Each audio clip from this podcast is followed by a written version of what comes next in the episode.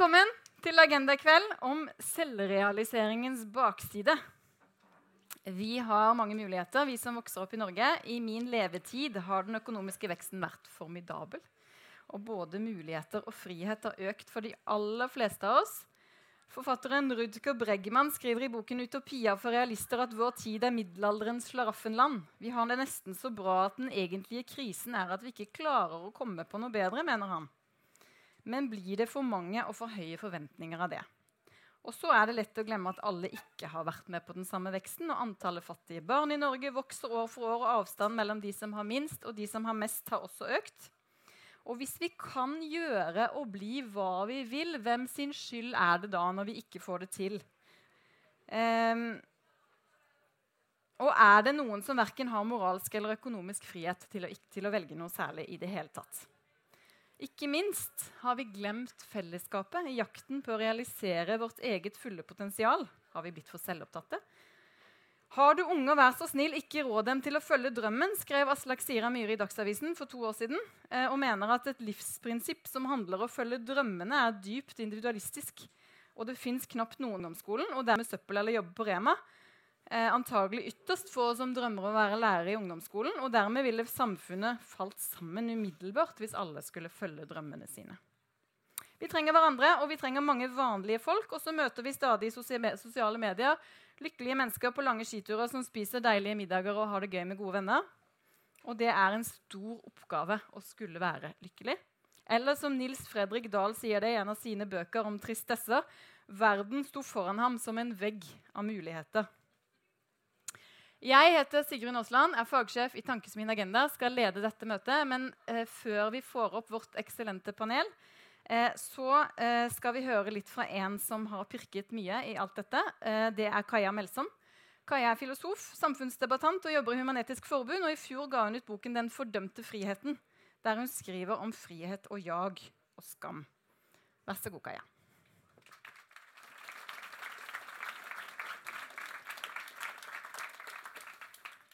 Tusen takk. Og så hyggelig å se at det er så mange som har kommet. Jeg har lenge undret meg over at det er et sprik mellom hvordan vi snakker om frihet på den ene siden, og hvordan uh, vi ser ut til å oppleve den samme friheten på kroppen. For vi snakker jo om friheten som det ypperste av alle goder. Mens når jeg leser avisen og snakker med venner uh, og ser meg rundt, så ser jeg noe annet. Uh, og jeg skal nevne noen av de paradoksene jeg da ser. For så har vi, vi nordmenn etter krigen så har vi redusert arbeidsdagen med en tredjedel. Uh, og vi har fylt opp hjemmene våre med elektriske og elektroniske hjelpemidler som skal frigjøre tid. Likevel, eh, og da skulle man jo tro at vi eh, slappet av og koste oss med all denne friheten. Men nei da. Vi er i tidsklemma, vi er stressa som aldri før, og vi går på veggen stadig. Det er et paradoks. Et annet paradoks finner vi på kjærlighetens område. Kjærligheten er også så fri som den aldri har vært. Eh, veldig få foreldre legger seg opp i eh, hvem eh, de unge velger av partnere. Og også her så har vi elektroniske hjelpemidler. Vi har sjekkeapper på mobilen. Sånn at utvalget av partnere har aldri vært større. Da skulle man jo tro, da, i tråd med det romantiske kjærlighetsidealet, at kjærligheten blomstret. Men fortsatt så går alle, halvparten av alle ekteskap eh, i oppløsning, og stadig flere lever alene. Et annet paradoks det er knyttet til eh, vår hyllest til mangfold og pluralisme. Vi oppfordrer hverandre og vi oppfordrer dagens unge til å våge å være seg selv, eh, våge å leve ut sine særegenheter. Eh, og til å stole på seg selv, lytte på, til seg selv og leve ut eh, hva det nå måtte være. Da skulle man jo tro at dagens unge var fulle av selvtillit og integritet. Men nei da. Det vi ser, er at eh, nesten ukentlig så kommer det en rapport som viser at den psykiske helsa til dagens unge eh, ser, går, går, nedover. Eh, jeg tror Den siste rapporten som jeg kom over, sa at eh, på fem år så har eh, andelen eh, unge jenter med psykiske helseplager økt med 40% tror jeg. Og, og dette er typiske skamlidelser, angst og depresjon. Og det er et paradoks når vi da lever i en tid som, uh, som, som, oppfordrer oss til ikke å skamme oss, men å være oss selv.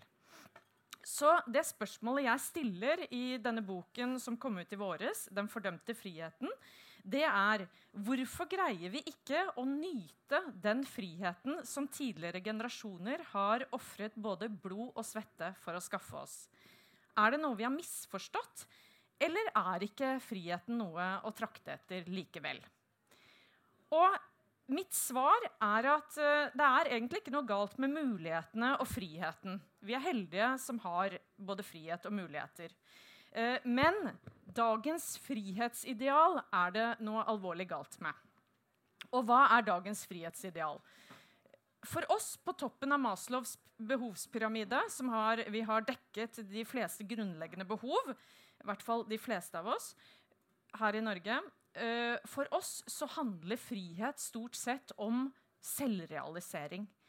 Overalt, uansett hvor vi snur oss uh, og vender oss i dagens samfunn, om vi leser aviser, ser på TV, uh, leser selvhjelpsbøker eller snakker med venner Dette frihetsidealet ligger jo i selve språket, i folkepsykologien, i dagligtalen. Så blir vi fortalt at den som lytter til sin indre stemme, den som våger å gå mot strømmen og realisere sine drømmer, denne personen vil bli belønnet med dagens sekulære frelse, som er et lykkelig liv. Før i tiden så skulle man slite seg gjennom livet og bite tenna sammen, og så kunne man håpe på frelse i efterlivet. I dag så skal vi ha den her og nå. Lykke her og nå. Det fortjener vi fordi vi er så heldige å bli født i verdens beste og lykkeligste og rikeste land. Og mitt oppgjør med dette idealet er at jeg mener vi har fokusert så mye og så ensidig på personlig selvrealisering at stadig flere opplever det som et krav, som et bør, for ikke å si et må. Eh, og det er jo også et paradoks. At det som skulle være frihet, frihet til å realisere seg selv, i dag oppleves som et tyranni, som noe man eh, må streve etter å, eh, etter å realisere for ikke å skuffe omgivelsene og deg selv. Så kan man jo si ja, men er det ikke bra med selvrealisering da? Er det ikke bare bra at vi alle strekker oss etter å leve ut uh, vårt fulle potensial og blomstre som mennesker? Uh, jo, det kan man si, men, um, men det kan bli for mye av det gode, og det mener jeg det absolutt er blitt. Fordi vi har fokusert så mye på selvrealisering at mange i dag opplever uh, et press om å skulle være unike, om å skulle leve lidenskapelig og om å skulle være lykkelige. Uh, og jeg tror ikke at Eller jeg mener at det å strekke seg etter å skulle være unik, leve så lidenskapelig som mulig, eller være mest mulig lykkelig, uh, det gjør oss ikke tilfredse og lykkelige. Tvert imot så mener jeg at disse kravene er både udemokratiske og kontraproduktive. La oss se på dette med å være unik det, det, sier seg selv, det ligger i sakens natur at det er udemokratisk. Bare noen få, ja kanskje bare én, kan være unik. Hvis alle dere er unike, så er det unike blitt middelmådig. Ikke sant? Så, så her er det dette er en, eh, Det er bare noen ytterst få som kan realisere dette idealet. Uh, og det er også kontraproduktivt på to måter. På den, på den, ene måten, De som streber mest etter å være unike, er gjerne de som ligner mest på hverandre. Se på hipsterkulturen. Hipsterne ser like ut uansett hvilken storby du beveger deg til. Uh, og samtidig så er det de som snakker høyest om at de er imot uh, konsumkulturen, og at de ønsker det som er autentisk og ekte. og det kan vi le av. Men Eh, det sier også noe veldig sant om menneskenaturen, nemlig det at vi er flokkdyr. Uh, og vi er, uh, Etter mange år med evolusjon så er vi laget sånn at vi har en del automatisert atferd som gjør at vi gjerne, uten å tenke over det, så kopierer vi andres smak, vi kopierer deres preferanser, deres verdier. Og det gjør at de fleste av oss ligner veldig på eh, imer oss til menneskene som omgir oss. Eh, og dette her, det er bra.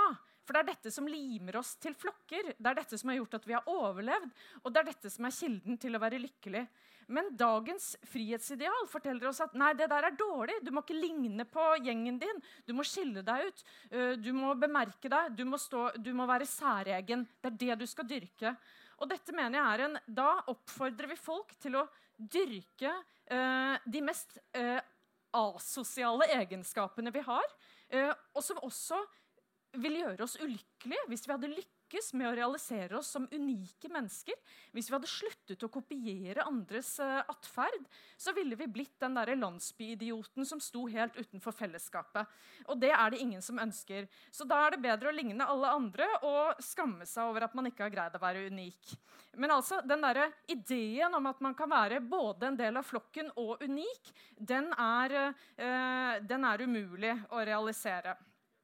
Og det samme ser vi på på dette kravet om å skulle være lidenskapelig. Eh, hvis vi ser på dagens romantiske kjærlighetsideal, som er et eksempel også på hvor urealistisk og udemokratisk og kontraproduktivt dette, eh, dette kravet er eh, fordi Det romantiske kjærlighetsidealet, hva er det det sier? Det sier at forelskelsen som binder et, eller får et par til å uh, komme sammen, den skal også fungere som lim i, uh, i det langvarige forholdet. Uh, altså Disse sterke emosjonene og følelsene skal lime paret sammen. Det er derfor vi leser daglig på nettsidene skal dyrke, tips til hvordan vi skal dyrke romantikken, tips til hvordan vi skal, må få sex inn i kalenderen osv. Vi må holde liv i disse sterke følelsene, for det er det som, som, er kilden til et langt og godt ekteskap, f.eks. Eh, men det er jo bare tull. Alle vet at disse, disse sterke følelsene er ganske kortvarige. Og det som nærer de sterke følelsene, uh, som er utfordringer, vanskeligheter, at ting er nesten helt umulig, det er jo døden for det langvarige forholdet. Uh, og det langvarige forholdet, det som nærer det langvarige forhold, tillit og litt sånne kjedelige ting, permanens, tillit osv., det er jo døden for romantikken og lidenskapen. Så her er det også et urealistisk ideal. Og det tragiske med det, det er at vanlige folk, vanlige par, måler seg opp imot dette idealet og tenker at nei, men mitt forhold det er dødt. Det er absolutt helt dødt. Og hva gjør man da? Jo, da tenker man gjerne at det er noe gærent med partneren. Og så kvitter man seg med partneren og jakter etter en annen uh, ny partner som kan få blodet til å bruse, så, dette skal vare, vare så, så, det skal vare neste gang. Og så har vi dette kravet om å skulle være lykkelig. Og det er også helt hinsides. Uh, det, der, der virker det som om vi har tatt alle definisjonene på lykke stykke fra filosofihistorien og puttet i en stor sekk og ristet godt. Og så sier vi fordi vi er så heldige å bo her oppe i verdens rikeste land, så skal vi i hvert fall forlange av livet at vi kan oppleve alt det som er oppi denne sekken. Men hvis man ser litt nærmere på alle de forskjellige lykkedefinisjonene som vi har sauset sammen, så er de gjerne øh, gjensidig utelukkende. F.eks. euforien og disse sterke følelsene som forelskelse og rus og sånne helt vanvittige følelser, de vil vi jo gjerne ha mye av. Eh, de er ganske uforenlige med den der hverdagslykken eh, og tryggheten som vi også vil ha i bånd. Eh, så her er det alltid, vil vi alltid kunne anklage oss selv og si at 'jeg er ikke lykkelig nok'. Og Fellesnevneren for alle disse tingene jeg nå har nevnet, det, det, at vi går og plager oss selv med er jeg unik nok, lever jeg lidenskapelig nok, lever er jeg lykkelig nok Fellesnevneren for disse kravene er at de forteller oss at dersom vi lykkes med selvrealiseringen vår, så skal vi på, få i pose og sekk. Vi skal både være særegne og vi skal være godt likt og en del av flokken. Vi skal både ha et trygt uh, samliv med noen, og vi skal samtidig ha spenning og begjær. Og vi skal ha, realisere alle disse uforenlige versjonene av hva det vil si å ha et lykkelig liv. Og det er komplett umulig og Derfor ender vi i den tragiske situasjonen at vi sitter og gråter fordi vi ikke er lykkelige, unike og uh, lever lidenskapelig nok. Var det det jeg rakk? Ja. OK.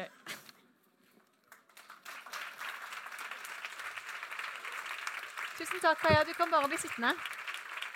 Eller bli værende. For dette må vi snakke mer om, og jeg har inntrykk av at du har mer på hjertet. Eh, sett deg her, Eh, til å hjelpe oss med å snakke om dette så har vi et ganske fremragende panel. Eh, bestående av Øyvind Rabbås, som er professor i filosofi ved Universitetet i Oslo, der han bl.a. rett og slett forsker på lykke. Vær så god, Øyvind. Mira Aaboen Sletten, sosiolog og forsker ved Oslo OsloMet, som det nå heter, der hun har publisert flere forskningsartikler om unges levekår, forventninger og psykiske helse. Velkommen til deg. Og Hilde Nagel, eh, rådgiver i Tankesmien Agenda med doktorgrad i statsvitenskap. Blant annet har hun skrevet og tenkt mye om frihetsbegrepet eh, med den amerikanske filosofen og forskeren Philip Petit. Velkommen til alle sammen. Jeg har en plan om å strukturere disse forskerne og filosofene. Eh, jeg er litt usikker på om jeg kommer til å lykkes med det. Vi får se. Eh, jeg tenkte jeg skulle begynne litt med deg, Mira. Eh, du har forsket på hva unge mennesker selv oppgir at de opplever av, av press, og hvordan det påvirker dem. Kjenner du deg igjen i det bildet som Kaja tegner opp her? både ja og nei. Som er sånn vanlig forskersvar, selvfølgelig. Eh, det er en, ganske mye forskning som viser at, at, unge mennesker i dag opplever en del press, og artikulerer det når man snakker med dem. Og svarer også det i spørreskjemaundersøkelser. Eh, men det er ikke like åpenbart nødvendigvis at de ikke greier å håndtere det presset. Eh, det er en mye mindre andel som, eh, som mener at det er vanskelig å takle det presset de står overfor, enn de som sier at de opplever et stort press. Så her er det på en måte ikke nødvendigvis et sånn én-til-én-forhold. Men det som vi har forsket aller mest på, vet mest om når det gjelder endring over tid særlig, det er jo omfanget i psykiske helseplager blant ungdom. Så der viser forskningen at det er en økning i unge mennesker. Det vet dere sikkert når dere har lest um, i mediene. Det har vært mye oppslag om det, at det særlig gjelder de unge jentene. Uh, men så er jo det vært knytta til en sånn forestilling om at det har skjedd noe at samfunnet har endra seg på en måte i retning av økende individualisering. Som, som gjør at um, unge mennesker Eller deres um, tilhørighet og identitet og, og, følelse av at de er noe i verden, er mer knytta til hva de presterer som individ, enn de, hvilken sånn sosial sammenheng de tilhører. Som familien, eller klassen, eller kjønn eller nærmiljøet. på en måte. Så det er jo på en måte her forskningen møter litt uh, Kaja sin bok, tenker jeg. Uh, men at forskningen kan liksom gi et svar på at det faktisk er sånn empirisk, det uh, kan nødvendigvis ikke. Men der kan jeg utdype mer ja. senere eventuelt. Hvis vi skal slippe litt det empiriske Øyvind Rabbås, eh, blir vi lykkelige av å følge drømmene våre? Hva ville de gamle filosofene sagt om det? Ja, Først må vi jo ha klart for oss hva lykke er. Og Som filosof så er det vel min oppgave å, å prøve å klargjøre hva som ligger i begrepet lykke. Og som Kaja sa, så er det jo mange ting som uh, ligger og har blitt lagt i begrepet lykke. Og jeg tror jo at et veldig uh, dominerende syn på lykke nå til dags, det er et uh, veldig psykologisk, uh, emosjonelt begrep. Um, knyttet til positive følelser, og gjerne da uh, jo sterkere, jo bedre. Altså det å, å sveve av gårde på en rosa sky, det er på en måte uh, det samme som lykken. Uh, Iallfall så er det det vi uh, ofte tenker, og uh, ofte ser fremstilt i media og i skjønnlitteratur og på film og i reklame osv. Men uh, spørsmålet er jo om det er det eneste og det beste begrepet om lykke. Og det er i hvert fall ikke det eneste som har eksistert historisk sett. Altså, da har jo lykke vært knyttet mer til det å skulle uh, lykkes som menneske til å kunne mestre livsutfordringer som alle mennesker møter i løpet av sitt liv nødvendigvis. Og uh, vi mennesker jo, skiller oss fra dyr ved at vi på en måte kan forholde oss til vårt eget liv. Uh, vi har en form for refleksivitet som dyr ikke har. Og lykken er da knyttet til hvordan vi kan uh, se på og vurdere vårt eget liv som mer eller mindre vellykket. Hva går så inn i dette med vellykkethet? Ja, som jeg sa, det er å kunne være rett og slett moden eller et erfarent menneske som makter å møte livets utfordringer. Og det er ikke helt det samme som det å sveve gjennom livet på en rosa sky. Eh, som Kaja sa, altså, uh, hvis vi har det veldig subjektive begrepet om lykke, så tenker jeg at da, uh, da er vi dømt til å kjempe med en motstander som vi nesten umulig kan vinne mot, og det er kjedsomheten. Altså, hvis du vil ha det maks gøy hele tiden, så må du stadig Det er, det er som narkotika. Du må stadig øke dosen. Mm. Og til slutt så kreperer du under din egen uh, lykke, eller mangel på lykke, tenker jeg. Mm. Men du kan bli lykkelig av å realisere, møte noen forventninger, da? Mestre dine egne Ja, men det neste uh, spørsmålet jeg kunne tenke meg å si noe om, det, det er jo um, dette med friheten. fordi Um, altså det er klart at Vi er jo uh, skjønt, Hvem er vi? Mange moderne mennesker, særlig i velstående land som Norge. Uh, vi er jo uh, konfrontert med en vegg av muligheter, som du nevnte innledningsvis. Uh, vi har muligheter for å velge livsvei i en grad ingen noensinne har hatt før i verdenshistorien. Og det er jo på en måte fantastisk, fordi vi kan da faktisk forme vår egen livsvei. Men det er jo også en voldsom byrde, fordi det er vanskelig å treffe disse valgene. Og særlig hvis du er ung. Uh, det å kunne treffe et valg om hvilken livsvei du skal ha, det, jo, uh, det, krever jo at du allerede har prøvd ut noen av disse mulighetene. Uh, og så å si etter hvert klart å danne deg en slags oppfatning om hva som skulle være din vei gjennom livet. Så, uh, så, det ser jeg på som en veldig stor utfordring for dagens unge. Sånn sett er jeg veldig glad for at jeg ikke er 19 år i dag. fordi uh, å skulle uh, måtte foreta et sånt valg, det står for meg som fryktelig brutalt. Og når man da ikke vet hvilken vei man skal følge, fordi, for, følge, fordi man ikke har erfaringsgrunnlaget og har um, så å si, levd lenge nok, ja, så spør man seg ja, hvor skal jeg da prøve å få hjelp til dette. her, sånn, Og da kommer vi jo inn på de andre. For det er også noe som jeg synes var veldig slående ved det du sier. at vi, eh, Når vi skal få til disse frie valgene, så lurer jeg litt på hvem er det som da skal bestemme om de valgene vi treffer, er fri eller ikke? Eller er riktig eller ikke? Er det oss selv, eller er det de andre? Det skal vi også komme litt tilbake til. Men jeg har lyst til å spørre deg, Hilde. Har, dette møtet heter 'Selvrealiseringens bakside'. Og, og en del av det, Hvis lykken da er å realisere seg selv på en eller annen måte som, eh, som man kan lykkes med, hva er selvrealisering egentlig? Jeg, egentlig da jeg liksom begynner begynne med kanskje selvrealiseringens eh, solside. Mm. Eh, fordi at det er jo en del av selvrealiseringen å skulle gjøre det du kan for å oppnå det gode liv. Og så legger vi jo alle forskjellige ting i det. Eh, Oddvar Nordli hadde en veldig nydelig skildring av det i uh, den boka han har skrevet som heter 'Morgenlandet'. Det kom opp igjen nå i forbindelse med at han døde, så ble det nevnt et sitat derfra. og det, det handler om hvordan det er å sitte med kaffevarmen ved eh, et fiskevann en vårdag langt inn på Hedmarken han var jo ikke noe sosiale medier-fyr, men det er jo et insta-moment av de helt store. Og hvis dere tenker på liksom Facebookene deres om dagen, så er de jo fulle av skispor. Og om sommeren av fiskevann eller hva det er. Det er jo de der hverdagslykkeøyeblikkene som handler om selvrealiseringens solside, føler jeg. Altså, det er jo på en måte det som Ikke å vise den fram, for det hadde ikke Oddvar Nordli behov for, men å føle det. Å sitte der og føle en form for lykke som kan være forskjellig for, fra oss alle. ikke sant? Så så når blir dette på en måte gærent? Eh, jo, det blir gærent hvis det blir et sånt veldig jag etter å være mest mulig lykkelig, være på den beste ferien, ha det, de mest, eh, den flotteste kroppen, gjøre alt dette jaget som vi da delvis har får gjennom sosiale medier, og delvis får fordi vi lever i et samfunn som er veldig enig med dere at det er veldig individorientert og lite fellesskapsorientert. Um, men hva er det som driver den selvrealiseringen? Uh, der tror jeg vi må gå til akkurat dette behovet for anerkjennelse.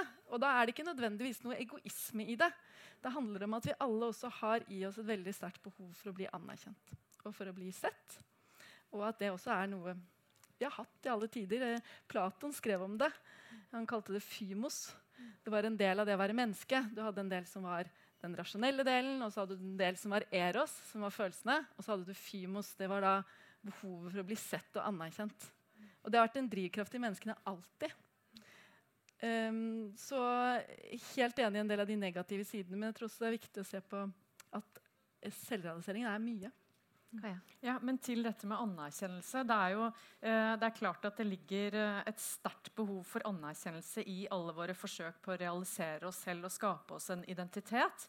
Eh, det ligger et ønske om at, å få anerkjennelse for den identiteten man da skaper.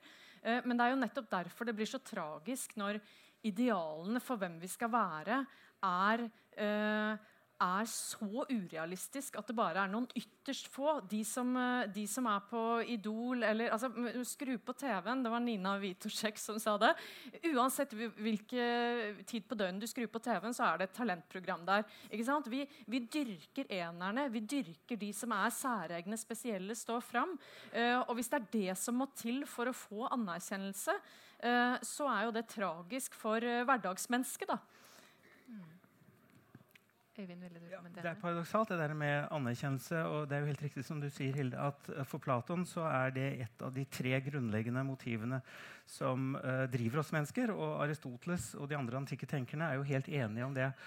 Men det som er paradoksalt med dette eh, behovet for anerkjennelse, det er jo at det, det er på den ene siden et behov for å få bekreftelse fra andre på å høre med i et fellesskap.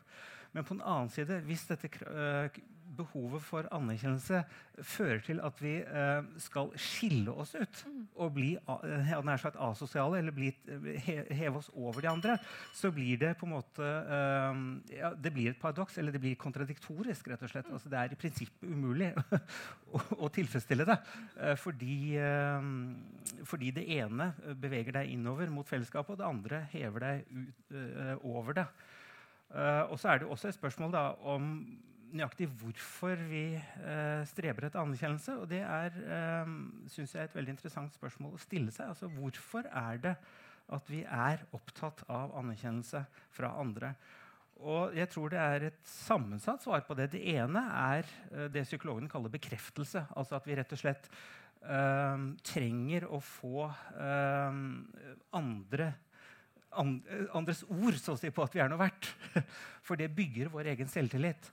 Eh, men samtidig så eh, ønsker vi vel ikke bare en hvilken som helst anerkjennelse. Vi vil gjerne ha en anerkjennelse som vi i en eller annen forstand føler at vi har fortjent.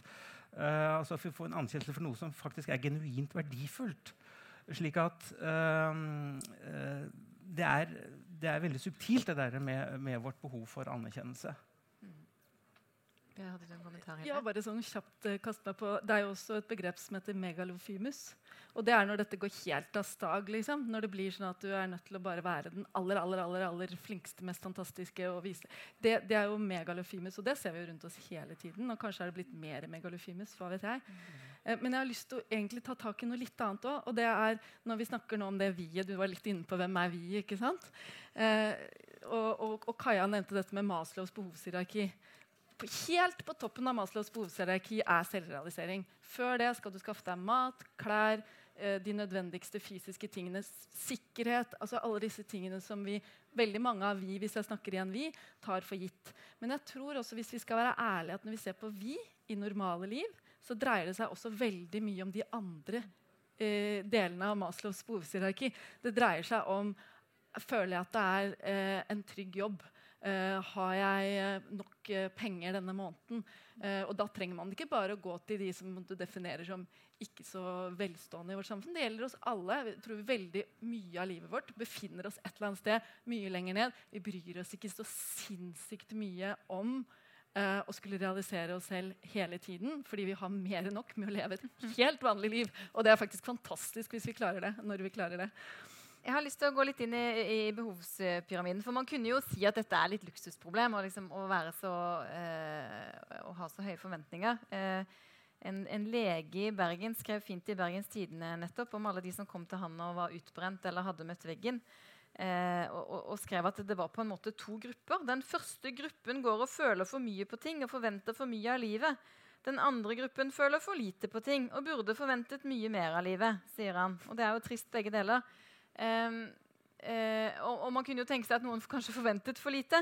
Uh, jeg lurer på til deg, Mira, når dere ser på press og forventninger, og hvem du sier noen har evne til å håndtere det presset, og andre i mindre grad. Er det, noe, eh, er det noen som har bedre forutsetninger enn andre? Er det noen som opplever mer press enn andre? Uh, ja. Det er det.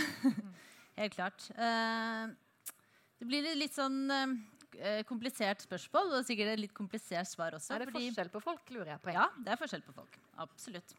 Uh, og den største forskjellen på disse områdene er, den går mellom kjønnene. Mm. Ikke sant? At jenter i mye større grad, og kvinner, oppgir psykiske helseplager og opplever press mm. på ulike områder i livet. Det gjelder på de fleste områdene som vi har undersøkt. Uh, særlig tydelig i skole, særlig tydelig også i forhold til kropp og utseende. Uh, og så, mm, Det er helt åpenbart. Men så er det også interessant det du, altså den legen som du refererte til, eh, trekker opp et sånn viktig dilemma fordi at mye av debatten når vi snakker om det her, den handler jo om Dere kjenner til det begrepet generasjon prestasjon. Man får et inntrykk av at det er en sånn gruppe eh, litt sånn høyt presterende, særlig jenter, som har alle muligheter til å re realisere seg selv, men som bukker under på en måte, i kravet etter å prestere på mange områder samtidig. Og da er det på en måte ikke, De, de er liksom litt på toppen av samfunnshierarkiet, på en måte, ikke sant? den fortellingen.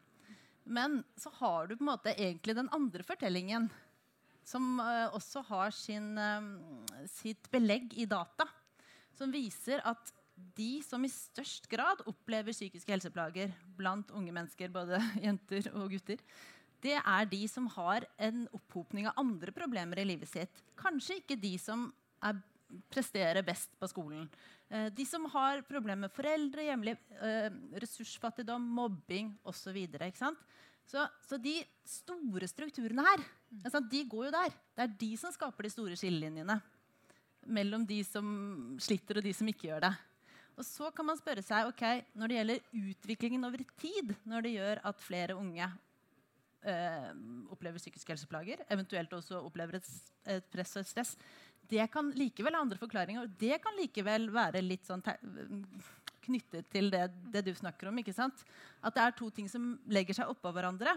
Og så må man også lure på om det er sånn at for de som har et, um, et større problemlandskap i livet sitt, kanskje også kjenner på det her. Presset om å prestere, at det blir ekstra ille da, når de speiler seg i en sånn større vellykkethet. Da, ikke sant? Mm. Men jeg, jeg, vil egentlig si noe mer også, men jeg, eh, jeg kan kanskje Du kan få komme var, tilbake til det. Ja, Kaja vil gjerne kommentere på, ja. mm. på, dette, tror jeg. Ja, jeg vil si at uh, jeg er veldig enig med dere. Selvfølgelig er det ikke sånn at alle i Norge har det har uh, maks velstand og, uh, og, et uendelig antall muligheter de kan velge mellom. Sånn er det ikke av veldig mange forskjellige grunner.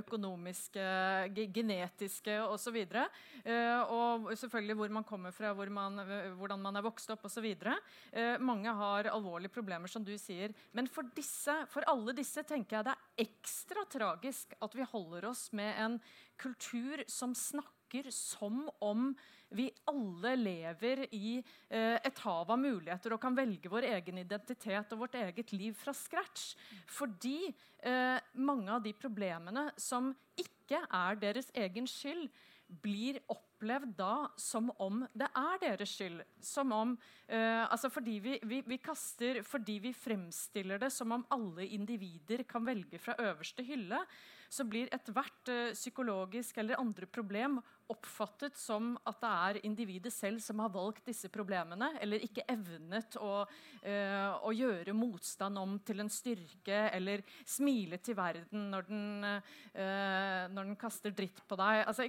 Vi lever i en sånn positivitetskultur at ingen utfordringer er store nok, og bare smil til verden, og verden smiler til deg. Men, men dette, dette skygger over sosiale forskjeller og eh, andre forskjeller. Og, eh, og gjør, eh, skaper veldig mye skam. Og da kanskje aller verst for de som sliter mest, tenker jeg. For det er din egen skyld da, hvis du ikke lykkes? eller? Ja, jeg tenker at det er det vår kultur uh, forteller oss. At uh, det er ikke strukturelle og sosiale forskjeller eller det er, ikke, det er ikke samfunnets idealer det er noe galt med. Det er individet som, uh, som ikke har evnet å utnytte sine muligheter eller uh, lykkes med sin egen selvrealisering. Uh, og selv om det er åpenbart at noen individer sliter mer enn andre Jeg kan ta et eksempel. Da, fra, se på utdanning, utdanningssystemet vårt. Vi favoriserer teoretisk kunnskap. Det gjør vi hele veien. fordi det er den eneste måten du kan skaffe deg en jobb på. det er å, ved å få deg en høyere utdannelse. Det vet alle. ikke sant?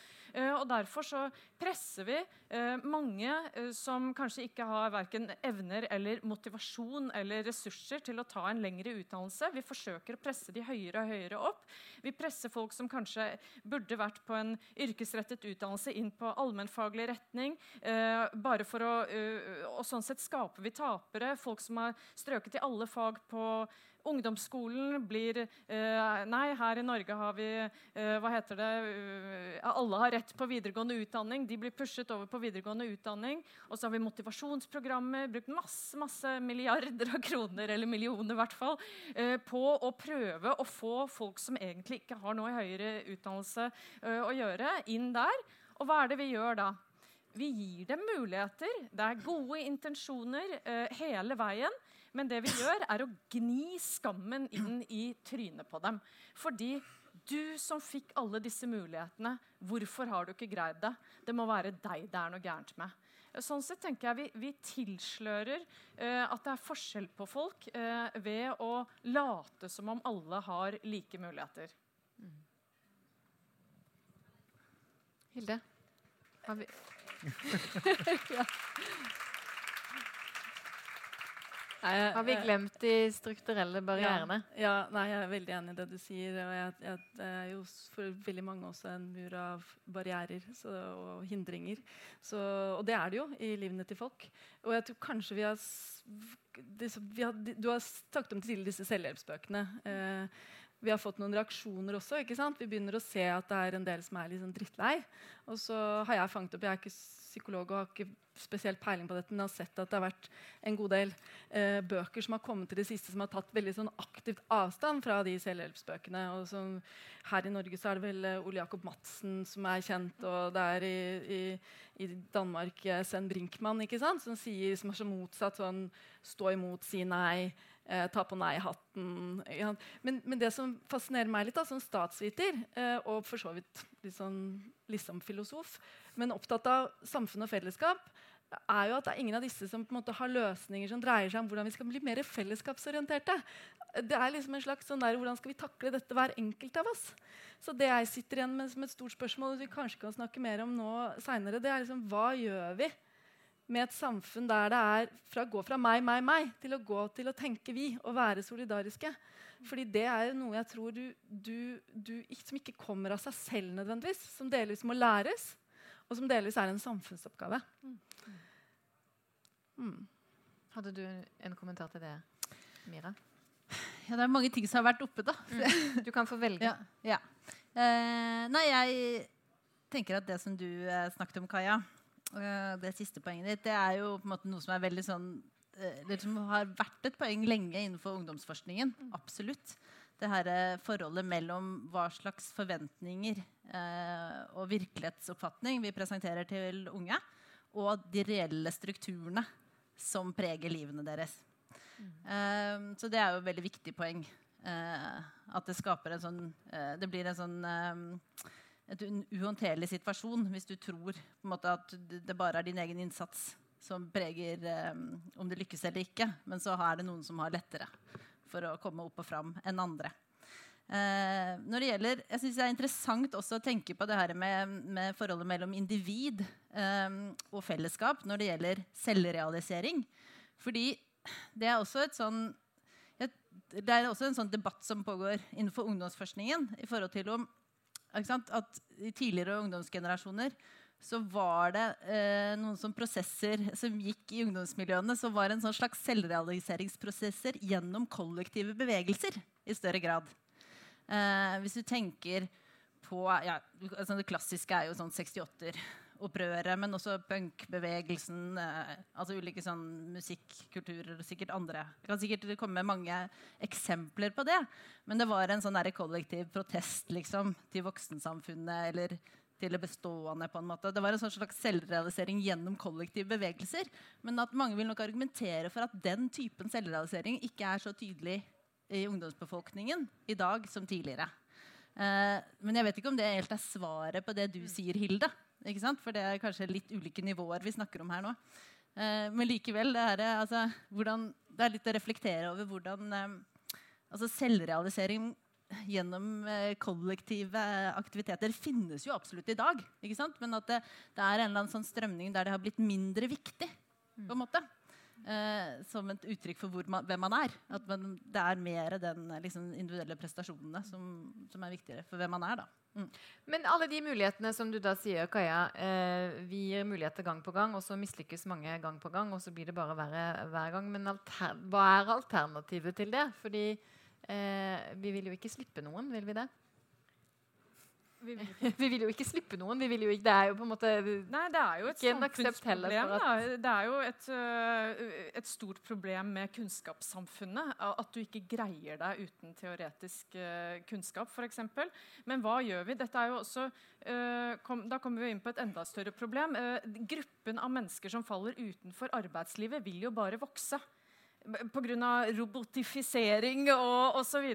Hvordan skal den gruppen som faller utenfor uh, arbeidslivet, greie å skaffe seg den sosiale anerkjennelsen som du snakker om, Hilde, og du også?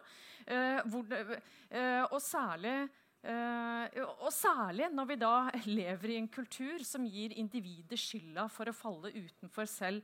Uh, og så vil jeg bare, i, i, i, forhold til det du sa, Hilde, om eh, denne anti-selvhjelpslitteraturen Jeg må innrømme jeg føler meg litt truffet der. Eh, fordi eh, ja, eh, vi kritiserer eh, dagens eh, idealer, men kommer ikke med noen løsning. Men jeg tenker det er viktig Mange av de problemene vi snakker om, eh, skyldes nettopp at vi lever i en sånn selvtilfreds kultur. Vi liker å klappe oss selv på skuldrene og så eh, peke ut noen andre, eh, gjerne noen som kommer fra andre kulturer, som at de har problemer, de, for de er ikke like fri som oss. Det, det, det, elsker vi. Eh, men, eh, men, det der, jeg tenker at vi må begynne med et selvkritisk blikk og se at vår egen kulturelle forståelse av frihet er mangelfull, og, uh, og, virkelig at det er alvorlige svakheter ved den. Da. Nettopp fordi, den, fordi, vi har glemt fullstendig fellesskapet. Det har jo skjedd en sånn historisk utvikling i hvordan vi har uh, forstått frihet og det gode liv osv. Uh, hvor, hvor jeg tenker at fellesskapet og det allmenne har jo egentlig alltid vært det sentrale i etikk og moral. Mens i dag så fremstiller vi det som om eh, vår største moralske oppgave er å leve ut vårt unike indre. I, et historisk perspektiv er det en veldig ny idé. At det å leve ut sine særegenheter for, og, og ikke av hensyn til fellesskapet, men av hensyn til meg selv at det er en moralsk oppgave for individet som vi til og med skal skamme oss over eh, om ikke vi greier å lykkes med.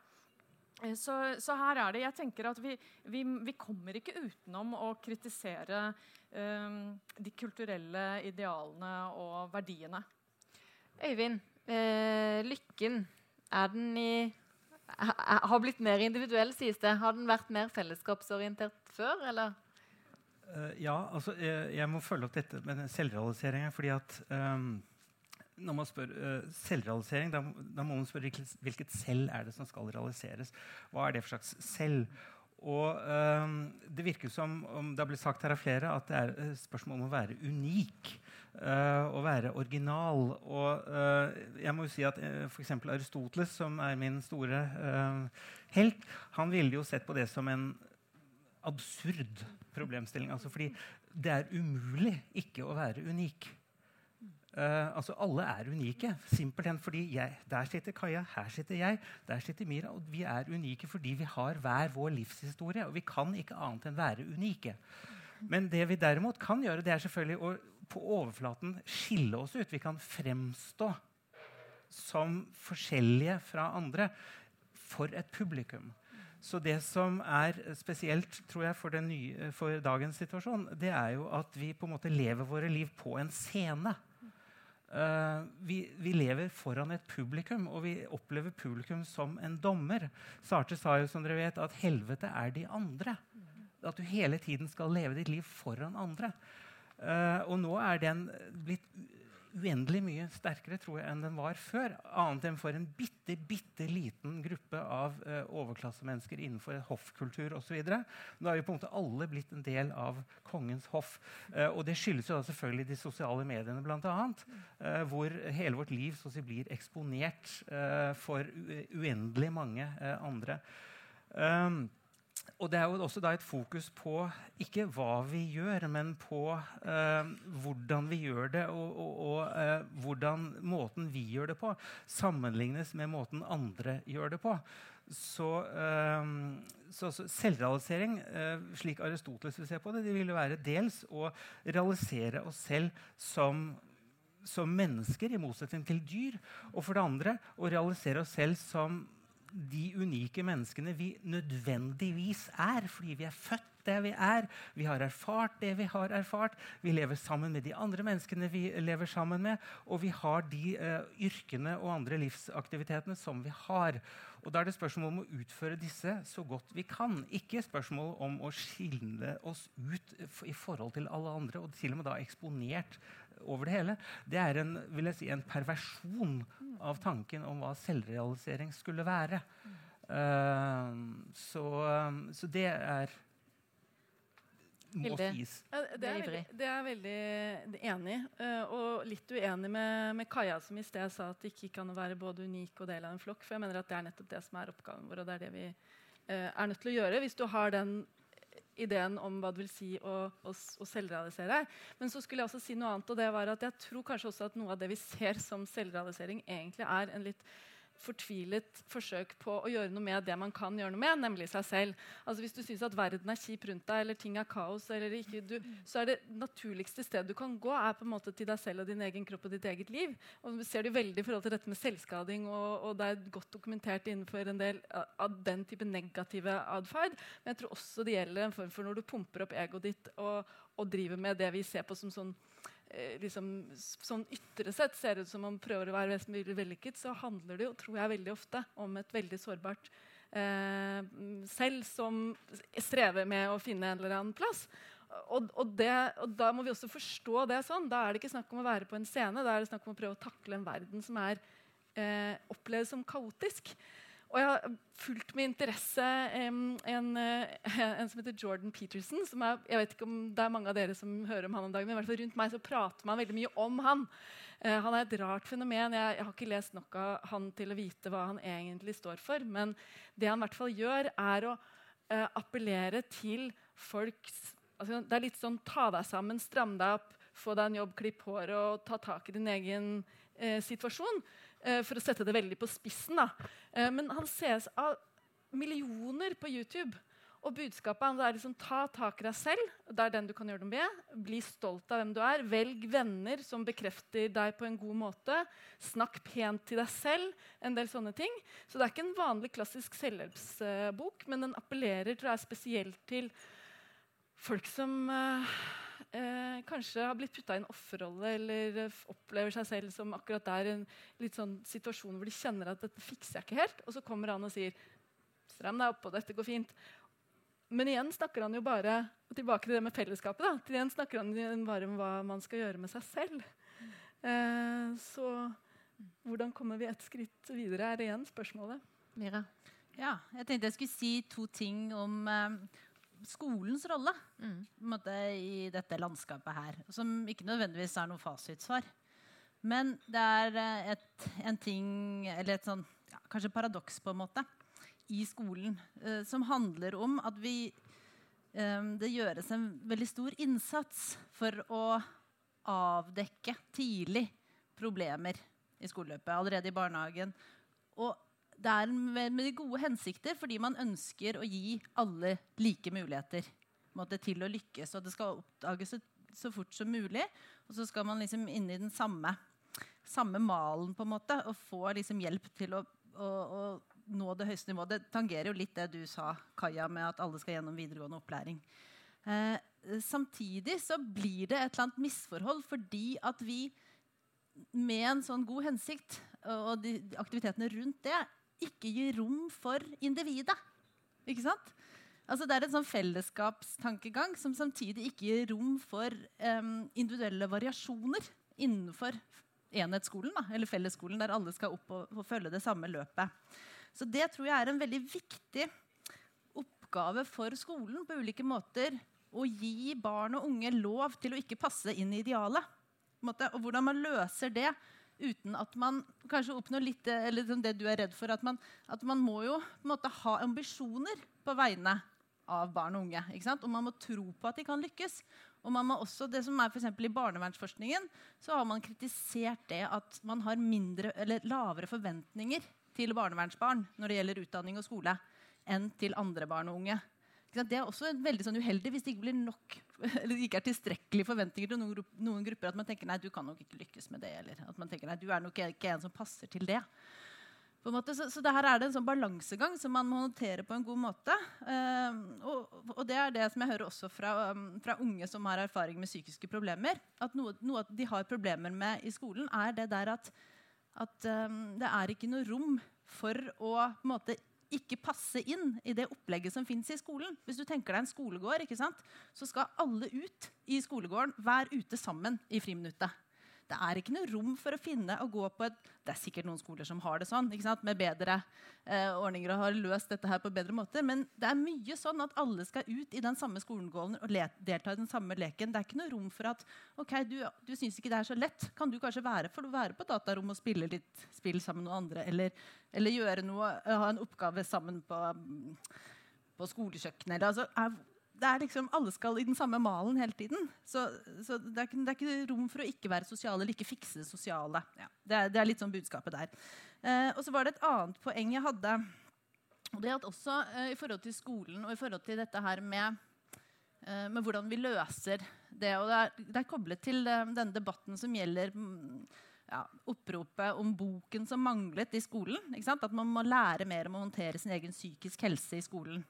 At det mangler på en måte et pensum når det gjelder psykisk helse. Og det er det livsmestringsfaget i skolen osv.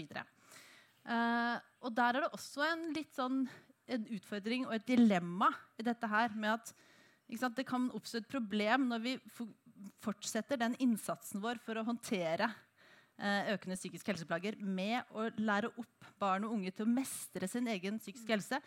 Da fokuserer vi liksom stadig vekk på individet og dets egen liksom, både prestasjoner og mestring av helsen. Det er mye som er bra med det, men vi må også måte, ha et blikk for at løsningen kanskje også er å vende blikket vekk fra individet.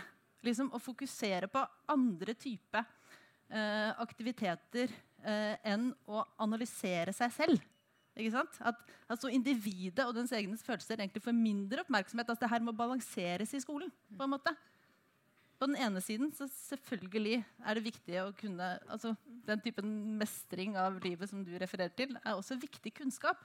Men det er liksom å balanseres mot aktiviteter som der det legges rette til fellesskap, som gjør at måte, kanskje ikke disse problemene oppstår. da, i like stor grad. Ja. Har vi lagd noen problemer ikke med å få alle til å kjenne så godt etter hele tiden? Om, om vi har noen psykiske problemer? Hilde? Men jeg, jeg ble bare nysgjerrig. Kan det handle om også at vi kanskje ikke ser eh, barns følelser og møter barns følelser på den måten som vi trenger å gjøre også, ved å ha disse på en måte Alle skal ut på samme tid, og alle skal altså, Jeg bare tenker, tenker Hvis tilbake til Fumos, da. Klareste eksempelet jeg så på god Fumos, holdt jeg på å si, altså det å virkelig anerkjenne noen, det var Dayakan sin dokumentar nå, som har gått på, på NRK. Jeg håper mange har sett den. De som ikke har sett den, må se den. Hun har da snakket med høyreekstreme, snakket med noen av de verste drittsekkene, rett og slett.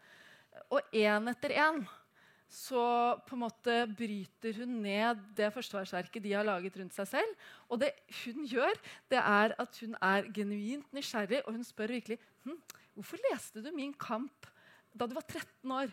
Og han som får det, har aldri antagelig fått det spørsmålet før i sitt liv. og kanskje ikke tenkt over det selv engang.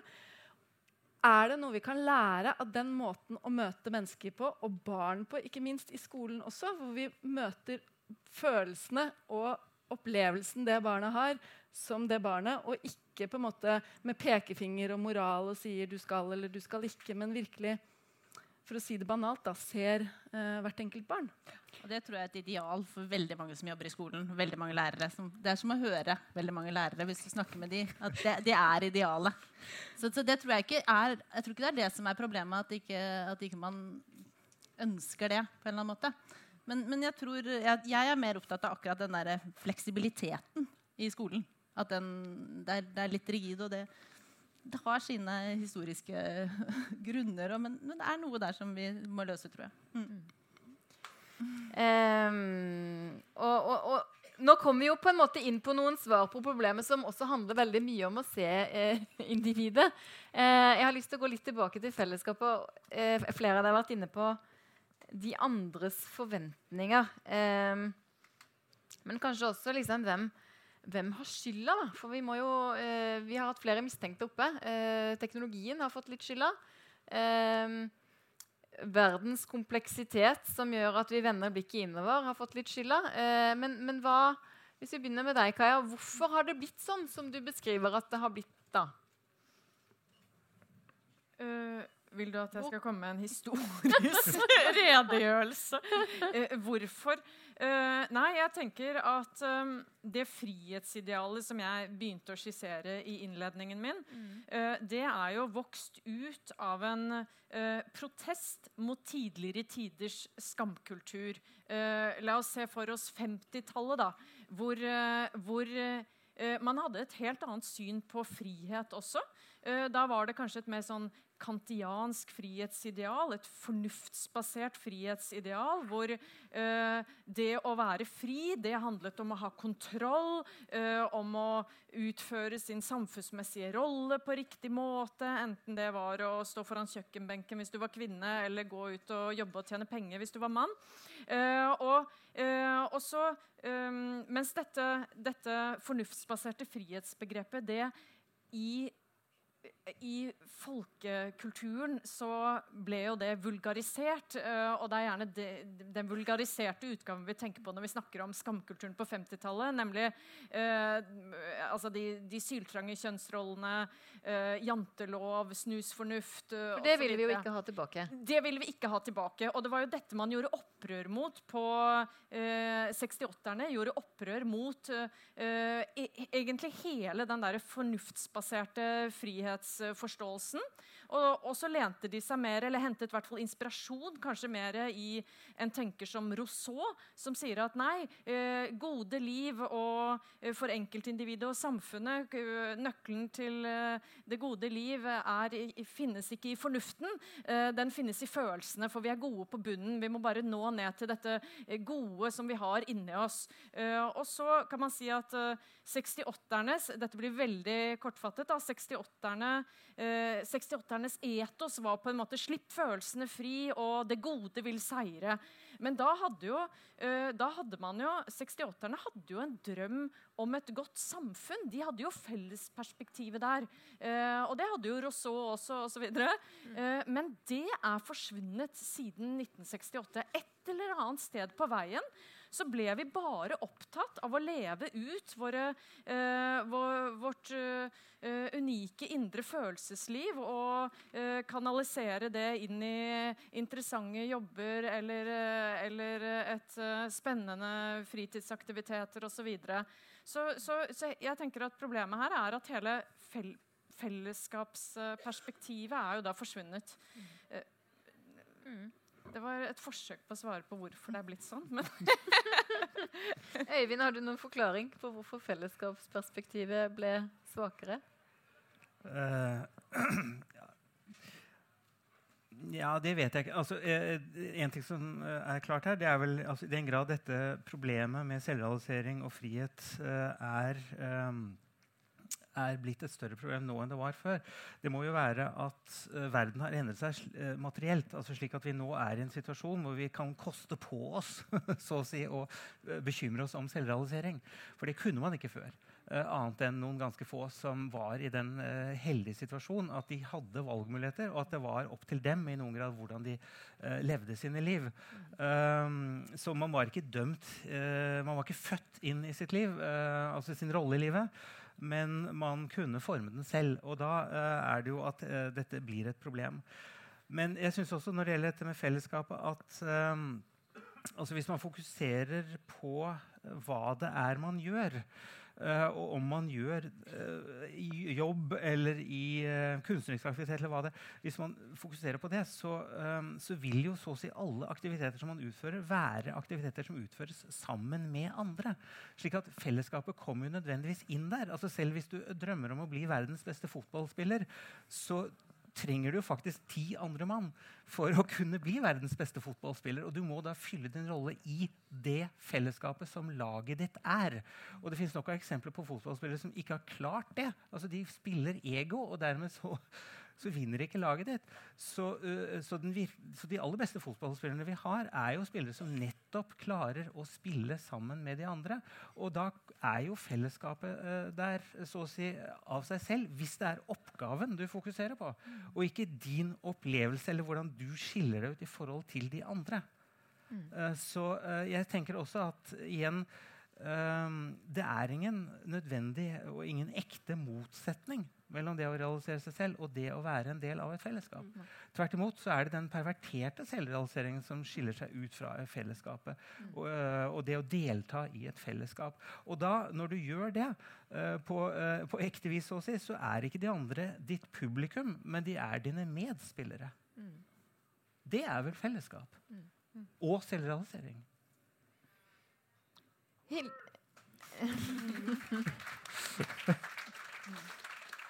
Eh, eh, Hilde, du var inne på noen av på en måte, eh, motreaksjonene som sier sånn Dette har gått for langt og blitt pervertert. Nå må vi heller eh, ta oss sammen og klippe håret og få oss en jobb. Hva, ja, jeg mener jo ikke at nei, jeg, jeg skjønner at du ikke mener det, men, men, det har jo vært flere sånne forsøk på å si nei, dette har gått for langt, nå må vi gjøre noe annet. Mm. Eh, hva er, og det kan jo gå i mange retninger, hva annet man eventuelt da skal gjøre.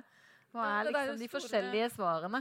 Ja, Det der store spørsmålet om fra meg, meg, meg til vi mm. spørsmålet. Er det det du stiller? Altså Hvordan vi går fra den der i den egen ja, eller om det finnes andre svar. Ja. Eh, hvis man da tenker at nå har det blitt for, mye, for lite fellesskap og for ja. mye individ. Eller ja. kanskje har det blitt for mye kjenne på følelsene og, og, mm. og, og fokusere på, mm.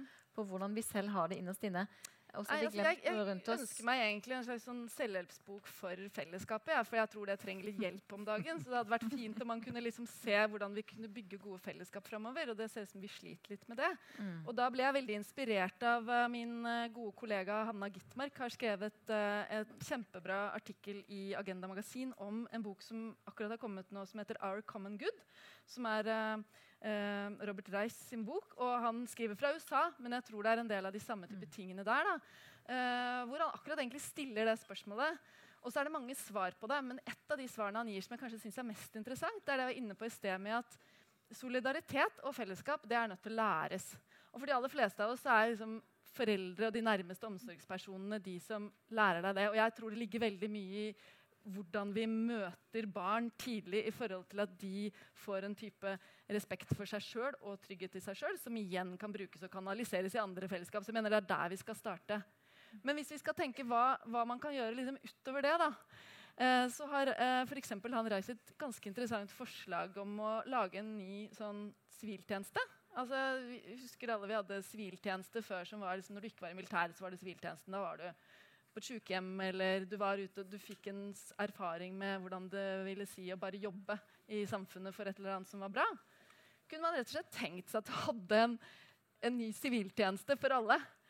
Eh, det, er, det, er, et veldig konkret forslag. Det ville ikke vært så vanskelig å gjennomføre. tror jeg. Og kanskje sånne typer tanker er liksom viktig for å se at vi må lære ungene våre å tenke eh, kollektivt eller fellesskapsorientert Noen ganger er det enkelt, fordi det som er best for meg, er best for oss. Og så skjønner jeg det, så da er det best for oss. Men der hvor det ikke er best for meg, men det er best for oss, hvorfor skal jeg velge det da? Og noe av problemet har kanskje vært, og som Reis adresserer, er at du har institusjoner som ikke lenger klarer å levere på samme måten. Du har fått en mistillit i forhold til de politiske institusjonene. Så det, I Norge er vi gudskjelov ganske heldige. Vi har fortsatt stor tillit til de politiske institusjonene her. Eh, det har vært litt rabalder i det siste, så, men altså det, Stort sett så er det vel ikke det samme problemet som det er i USA. Eh, men det er noe vi må passe på. Vi må passe på veldig godt på institusjonene våre og bygge dem. Men så kanskje vi er nødt til å gjøre noe annet også i forhold til å lære denne formen for vi må lese bøker, og vi må snakke med hverandre. Og vi må møtes vi må møtes på arenaer som er felles. Det er, sånn, det er et godt argument for fellesskapsskolen også. Eh, men kanskje vi er nødt til å ha enda mer bevisst forhold til hva det er vi driver med.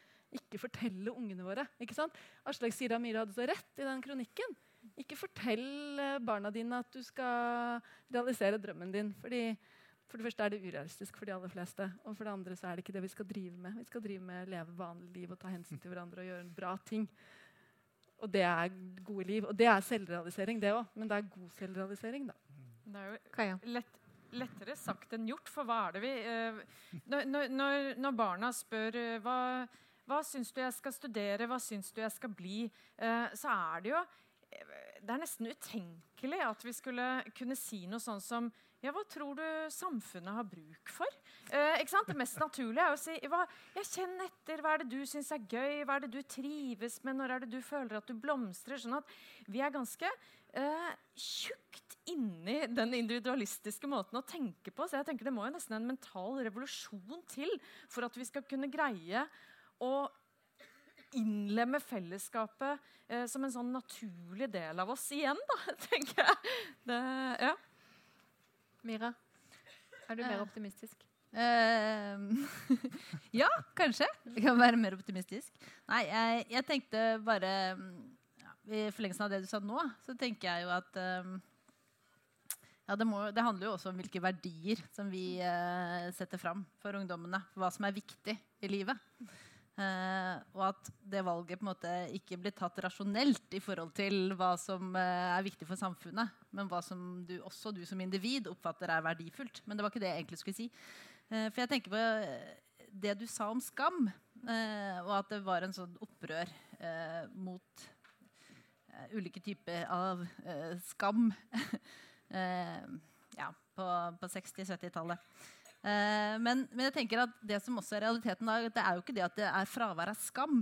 Det er jo veldig veldig mye skam mm. som gjør kanskje at vi får høyere nivå av psykiske helseplager. Det, det, er jo mye sånn skam i dette her. Skam for å ikke, ikke, lykkes og ikke leve opp til et ideal. Men, men det jeg synes, uh, hvis man kan tenke litt optimistisk på det, da, så tenker jeg at, uh, at det er viktig du, du, ser noen sånne um, tilløp hele tiden.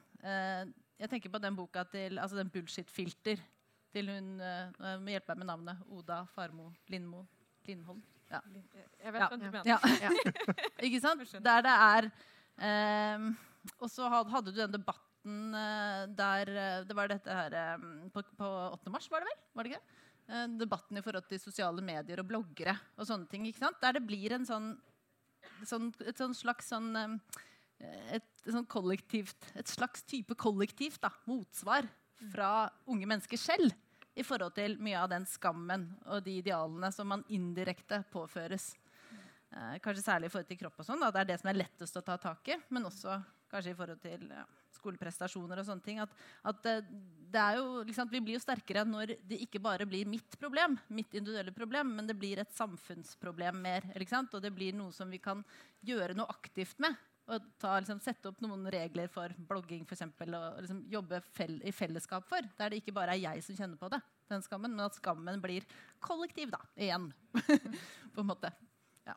Så det tenker jeg har liksom tro på. da, At det, det kan um, kan pendelen liksom komme til å svinge andre veien? Er det det du sier? Ja, jeg tror også liksom, kanskje på ungdommen selv her, da. Som kan bli mer bevisst og, og jobbe for det her er, det, det er noe som, eh, som, jeg tror kanskje har skjedd i samfunnet vårt. Der det blir der på en måte den skammen og det presset som foregår i ungdomsmiljøene, går hånd i hånd på en måte, med ja, Du du kan si voksensamfunnet eller medietrykket altså av skam. Og da blir det en sånn dobbelthet som gjør at altså, presset blir litt sånn ulidelig. Du kan på en måte ikke eh, forsvare deg på noen områder. Mm. Jeg vet ikke om det er så, så tydelig, men, men, hvis du tenker på sånne sant, I dag så er, sånn, Du nevnte sosiale medier her. Det er veldig, veldig mange unge som følger bloggere.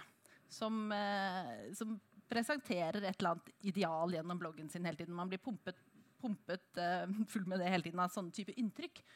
Um, og det som kanskje er annerledes enn før, det er at det er på en måte gutten og jenta på naborommet som kommer med disse signalene om hvordan idealet er og livet bør være.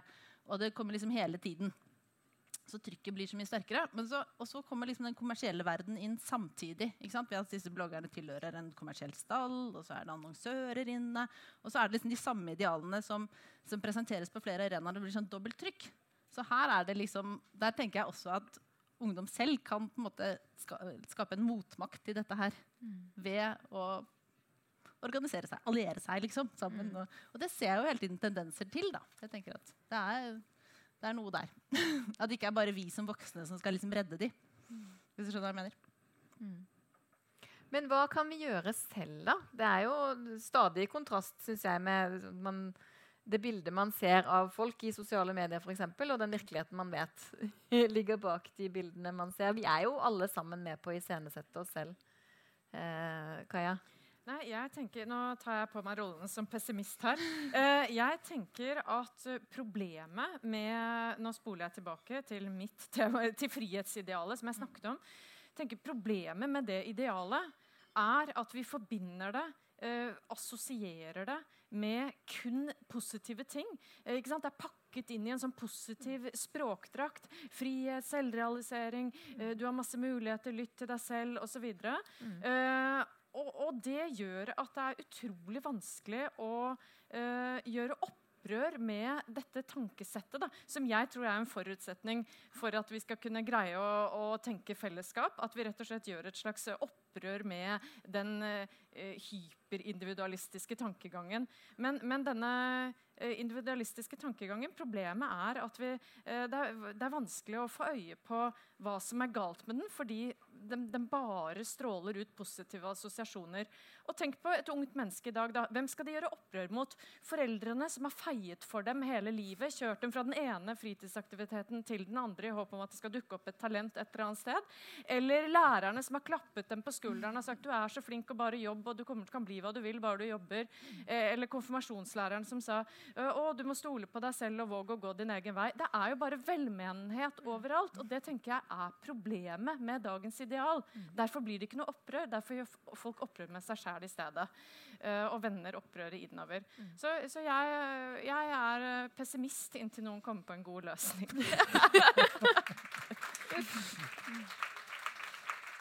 Eh, men du var inne på eh, Kaja, hvis jeg skal utfordre deg litt på en løsning. da, eh, Konfirmasjon. Du er jo også i Human-Etisk Forbund, og dere konfirmerer mange unge. Ja. Hva burde man da si i talene til konfirmantene istedenfor det du ikke syns vi skal si? Da vil jeg si uh, to ting. Uh, det er uh, Og det handler om frihet. Da vil jeg si at uh, dere må lære dere en gang for alle at frihet ikke handler om å få i pose og sekk. Det handler om å velge, og det å velge handler nødvendigvis om å velge noe bort. Og det er det som blir utfordringen i deres liv. Å greie å velge alle de andre alternativene bort og greie å gå all in for det dere gjør. Om det er å feie gata eller stå på en scene og synge. Eh, det tenker jeg er problemet for dagens unge. Fordi de tenker de skal, de skal greie alt, og så ender det med at de bare hopper fra det ene til det andre og blir uh, forvirra og ulykkelige og, og stressa. Um, og så vil jeg si også en annen ting om frihet til de unge. og det er at eh, Dere må aldri tro at dere har kontroll over livet. For det blir vi også fordi, Jo, fordi at vi, vi, vi, vi later som om uh, folk er mer fri enn de er. Det har vi vært inne på før. Vi later som om vi kontrollerer alle mulige faktorer i livet. Men det er bare en bitte bitte liten del vi har kontroll over. Resten er flaks og uflaks. Og det gjelder på, egentlig på alle områder i livet. Eh, det er skrevet en doktorgrad om det når det kommer til helse. Eh, at vi, vi, overdriver hvor stor kontroll vi har over vår egen helse.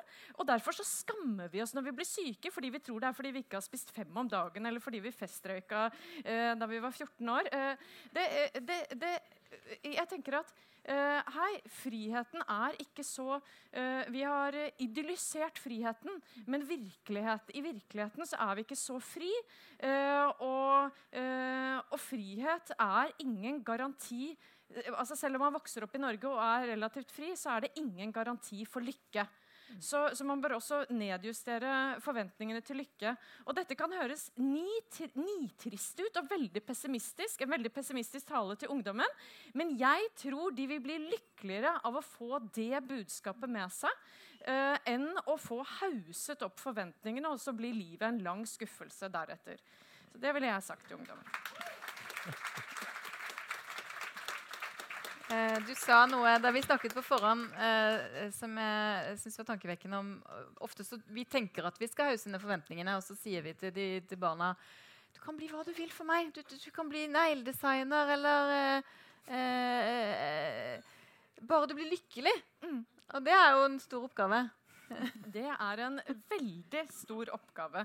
Det ligger jo på en måte i menneskenaturen da, at vi ikke kommer til å bli lykkelige. Fordi når vi enten, enten Vi ønsker oss ting, da. Vi ønsker oss ting. Enten så får vi det vi ønsker oss, og da begynner vi å ønske oss noe annet med en gang. Uh, ikke sant? Hvis ikke så, så, kunne man bare lagt seg ned og dø. Uh, altså Hvis man virkelig var tilfreds, hva skulle man drive med resten av livet da? Uh, og ellers så får man ikke det man ønsker seg. Og da går man rundt og tenker at man ville vært lykkelig hvis man bare hadde fått det og det. Så jeg, jeg tenker Det er på en måte drivkraften i mennesket å ikke være lykkelig. Uh, og Mira, du har bedt om ordet, så lurer jeg på hva, hva, hva kan man gjøre for å påvirke forventningene som eh, de unge har til, seg selv og til livet, og som dere spør dem om? Um, ja. Har du noen tanker om det? Um, jeg, um, jeg ba egentlig ikke om ordet, men, men jeg kan, okay, jeg kan godt ja, så, Beklager. Uh, men hva man kan gjøre til, for å påvirke forventningene Det er jo mye av det som, som, jeg er enig med det som Kaja sier, på en måte, men, men, det er alltid jeg tenker at det alltid er viktig å balansere det mot at altså, Vi trenger jo det drivet uh, uh, også for å utrette noe mm. i verden. Men, eh, men jeg, jeg, tror det altså, Kanskje noe av nøkkelen er at, uh, at det handler om å ha forventninger til livet og sin egen rolle i livet. Uh, eller i samfunnet, da, som er større enn bare seg selv. Mm. på en måte. Uh, sånn at man ikke bare blir sitt eget prosjekt. Mm. At det er liksom et annet prosjekt man skal ha. Men hva, hva vi kan gjøre med med forventningene, så, så, tror jeg at vi må bli bedre som kollektiv rundt barn og unge. Altså alle sånne kollektive arenaer. Type idrettslag, eh, foreldremøte, eh, skole og sånn. Til hele tiden å ikke bare dyrke prestasjoner og enere, men eh, og selv om man liksom Man gjør jo ikke det hele tiden, vil alle si, men, men det er liksom et eller annet som ligger under deg likevel. Og så lære barna våre, og særlig de som er vinnere på en måte, eller du kan si de som lykkes, lære de å ta ansvar for de andre. Mm. Altså, De som ikke lykkes så bra, det tror jeg er en sånn nøkkel til uh, Men det hadde kanskje ikke så mye med forventninger å gjøre. men det er så andre typer forventninger. da, Ikke sant? Mm. Ikke bare individuelle forventninger, men forventninger til mm. måte, kollektivt ansvar og kollektive prestasjoner. da. Mm. mm. Øyvind, eh, hva bør vi gjøre for å bli ja. lykkelige? Si det. Uh,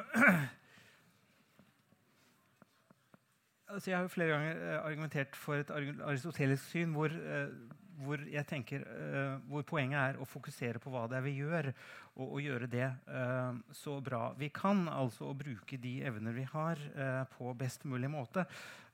ikke for å bli bedre enn andre, men for å bli så bra som vi kan bli. Uh, og da tror jeg med Aristoteles at um, opplevelsen av meningsfylde og, um, og, tilfredshet vil følge. Ikke med nødvendighet. altså jeg er enig med Kaja. Vi har ikke kontroll over livet.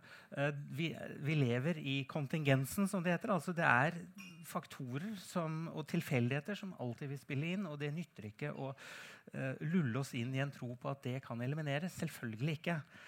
Men øh, jeg tror også at Og det går tilbake til dette med skolen og, øh, og hva slags forventninger vi skal gi den oppvoksende slekt, som det en gang het. altså Vi lever i et samfunn enten vi liker det eller anerkjenner det eller ikke. Det vil også si at uh, det er en masse jobber som må gjøres, og noen må gjøre disse jobbene. Og alle disse jobbene kan gjøres godt eller dårlig. Og jeg tror at de fleste mennesker vil ikke kunne gå gjennom livet og gjøre en jobb, altså ha et yrke, uh, som gir dem uh, penger til livsopphold, som de opplever som realiseringen av sine innerste drømmer. eller noe sånt. Det tror jeg er totalt urealistisk. Og hvis vi, hvis vi gir ungene en forestilling om at det er mulig, så er vi jo dømt til å gjøre dem ulykkelige. Men det vi derimot kan uh, tror jeg, få dem til å se, det er det at uh, selv om det du får, ikke er drømmejobben, så kan det være en ok jobb. Og enhver jobb kan gjøres godt eller dårlig. Og det å gjøre den godt, det er faktisk noe som fortjener respekt fra andre. Og jeg mener, vi, vi, har, vi går jo, altså Det var jo nevnt her det å jobbe i kassa på Rema. Uh, vi handler alle på, uh, i kassa på Rema og vet at noen gjør en bedre jobb i kassa enn andre gjør det. Og den som gjør en god jobb der, fortjener respekt. Mm. Og, uh, og, det gjelder nærmest uansett hvilken jobb det er snakk om. Der kan alle faktisk ha en reell sjanse til å lykkes så er det klart at livet er mer enn yrket vårt. Uh, og nå går jo arbeidstiden ned. Det snakkes til og med om seks timers arbeidsdag. Så til slutt så uh, jobber vi kanskje bare et par-tre timer om dagen. slik at Da spiller nesten ingen rolle hva vi da gjør i de to-tre timene.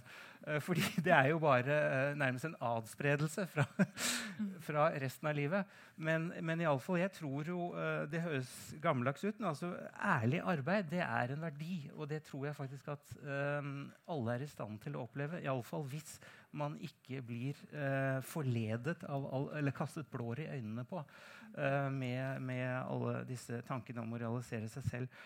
Og det får meg også avslutningsvis til å tenke på altså dette å bli utmerket. Uh, I sovjettiden så hadde man jo månedens arbeider som ble hengt opp. Uh, til allmenn beundring. Og uh, nå har vi uh, Idol og alt dette her. Det er en vesentlig forskjell, og det er at arbeideren faktisk gjorde noe. Så han fortjente kanskje å få portrettet sitt på veggen. Sette pris på ærlig arbeid. Det var så klokt at eh, jeg tror vi skal la det få være siste ord. Tusen hjertelig takk til eh, alle sammen igjen.